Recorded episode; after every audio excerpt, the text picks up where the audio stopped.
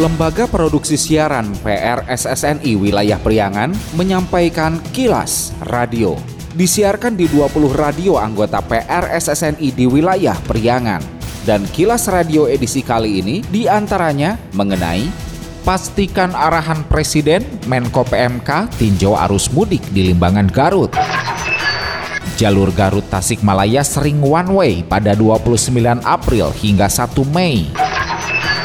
Pangandaran siap sambut wisatawan, objek wisata dibuka 100%.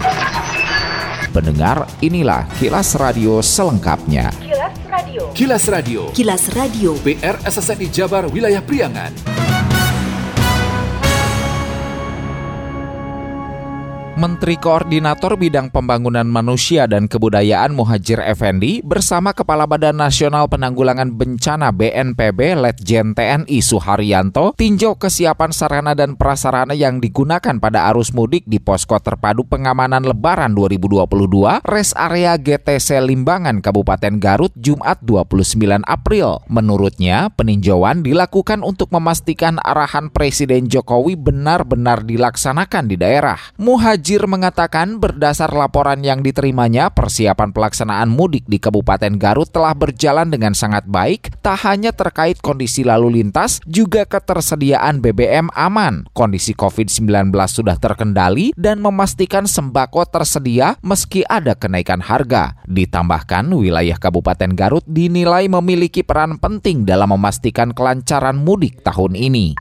Sampai seberapa jauh daerah-daerah melaksanakan arahan dari Bapak Presiden dalam kaitannya dengan penanganan mudik berdasarkan laporan penjelasan dari Pak Bupati, dari Pak Kapolres dan pejabat yang lain, petugas-petugas yang lain, Garut telah melaksanakan persiapan mudik ini dengan sangat baik. Mulai dari tata kelola lalu lintasnya, ketersediaan bahan bakar minyak, BBM, kemudian kondisi COVID, Garut adalah level 1, luar biasa, untuk vaksinasinya di atas 90% semua, untuk vaksin ketiga booster sudah menuju ke 60 persen. Untuk distribusi sembako untuk masyarakat yang tidak mampu juga sudah mencapai target. Dalam tinjauannya di posko terpadu GTC Limbangan, Muhajir melihat posko-posko dari masing-masing instansi terkait yang bersiaga dalam penanganan arus mudik. Di antaranya ada posko pemantauan lalu lintas Polres Garut, Dinas Pemadam Kebakaran, Dinas Perhubungan, Dinas Kesehatan, Diskominfo, dan Jasara Harja. Masing-masing posko bersiaga selama 24 jam di masa libur lebaran. Di posko terpadu GTC Limbangan juga menyediakan fasilitas yang lengkap seperti tempat istirahat istirahat, tempat bermain anak, masjid, serta terdapat gerai vaksinasi untuk pemudik yang belum melengkapi vaksinasinya. Kilas Radio. Kilas Radio. Kilas Radio. PR SSNI Jabar Wilayah Priangan. Masih informasi terkait, Bupati Garut menyatakan capaian vaksinasi COVID-19 di Kabupaten Garut dosis pertama sudah mencapai 93 persen, dosis kedua mencapai 90 persen, dan dosis ketiga mencapai 25 persen. Rudi saat menerima kunjungan kerja Menteri Koordinator Bidang Pembangunan Manusia dan Kebudayaan Menko PMK Muhajir Effendi dan Kepala Badan Nasional Penanggulangan Bencana BNPB RI Maijen TNI Suharyanto saat pengecekan kesiapan jalur mudik di Garut Trade Center GTC Limbangan, Jumat 29 April menjelaskan, kendati selama sebulan terakhir Kabupaten Garut selalu menempati level 1 dalam pemberlakuan pembatasan kegiatan masyarakat PPKM Jawa Bali, pihaknya terus melakukan penerapan protokol kesehatan yang ketat, khususnya pada saat ini di mana arus mudik akan segera berlangsung. Perlu kami laporkan dulu Pak Menteri vaksinasi Kabupaten Garut dosis satunya. Kita sudah mentok Pak di angka 93 persen. Karena kami tidak mungkin 100 persen karena banyak orang Garut yang divaksin di Jakarta, di Bandung, di Bogor Nah tentu kami sudah maksimal di dosis satu. Dosis dua nya sendiri kita menuju ke 90 persen. Dosis ketiga kita lakukan langkah-langkah kita mau menuju ke 25 persen artinya bahwa Garut sekarang ini dari sisi vaksinasi kerjasama dengan pemerintah daerah, vaksinasi presisi dan e, sebuah vaksin PNI Polri kita sudah mencapai hasil yang maksimal.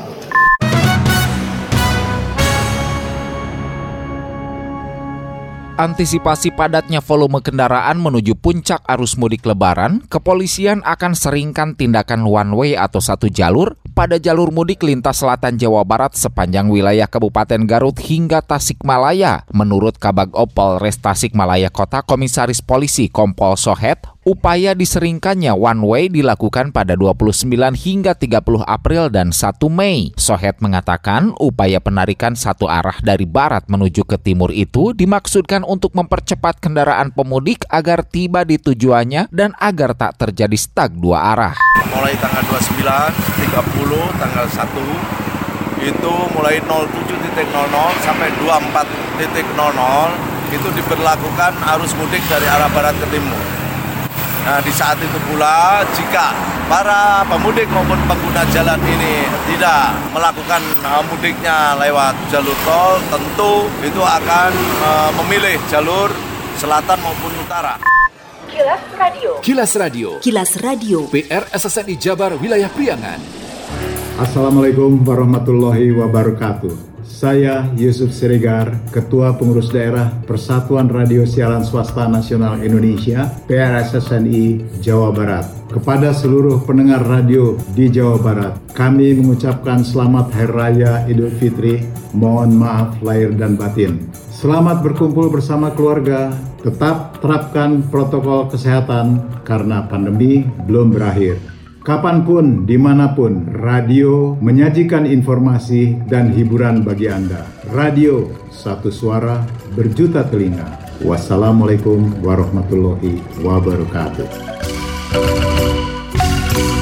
Pesan ini dipersembahkan oleh PRSSNI Jawa Barat. Kilas Radio. PR SSNI Jabar Wilayah Priangan.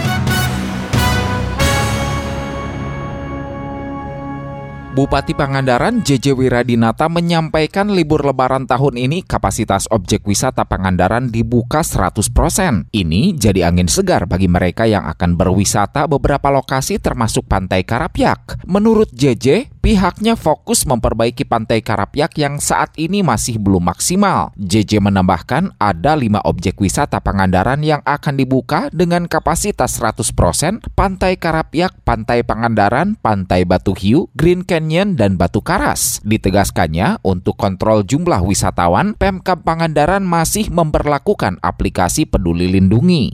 Saya kan rugi satu tahun ya, kemarin tidak bisa apa-apa. Tahun ini jembatan selesai. Panganan relatif udah hampir tinggal. Tentu ada 2003 Batu Karas sana, Batu Karas pada Sari sambungkan. Kita ingin 2024 sebelum masa jabatan saya, Kerapiak ini dibangun fokus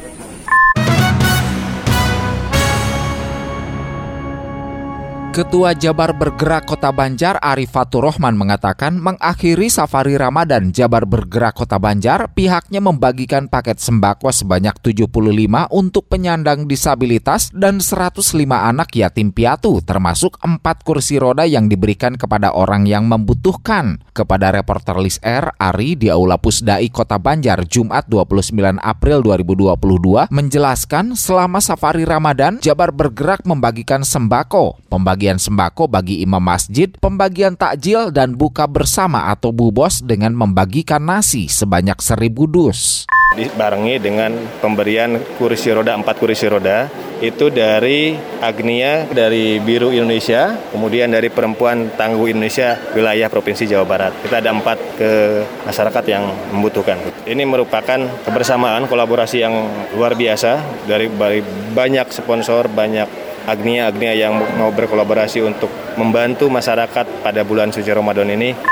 Aam Amelia, salah seorang warga yang menerima bantuan kursi roda, merasa terbantu dengan pemberian kursi roda melalui Jabar Bergerak. Menurutnya, dengan adanya bantuan kursi roda, ia bisa beraktivitas seperti yang lain, tidak merasa dibedakan. Ya, kalau di rumah nggak pakai kursi roda, cuma jalan-jalan bebas biasa gitu.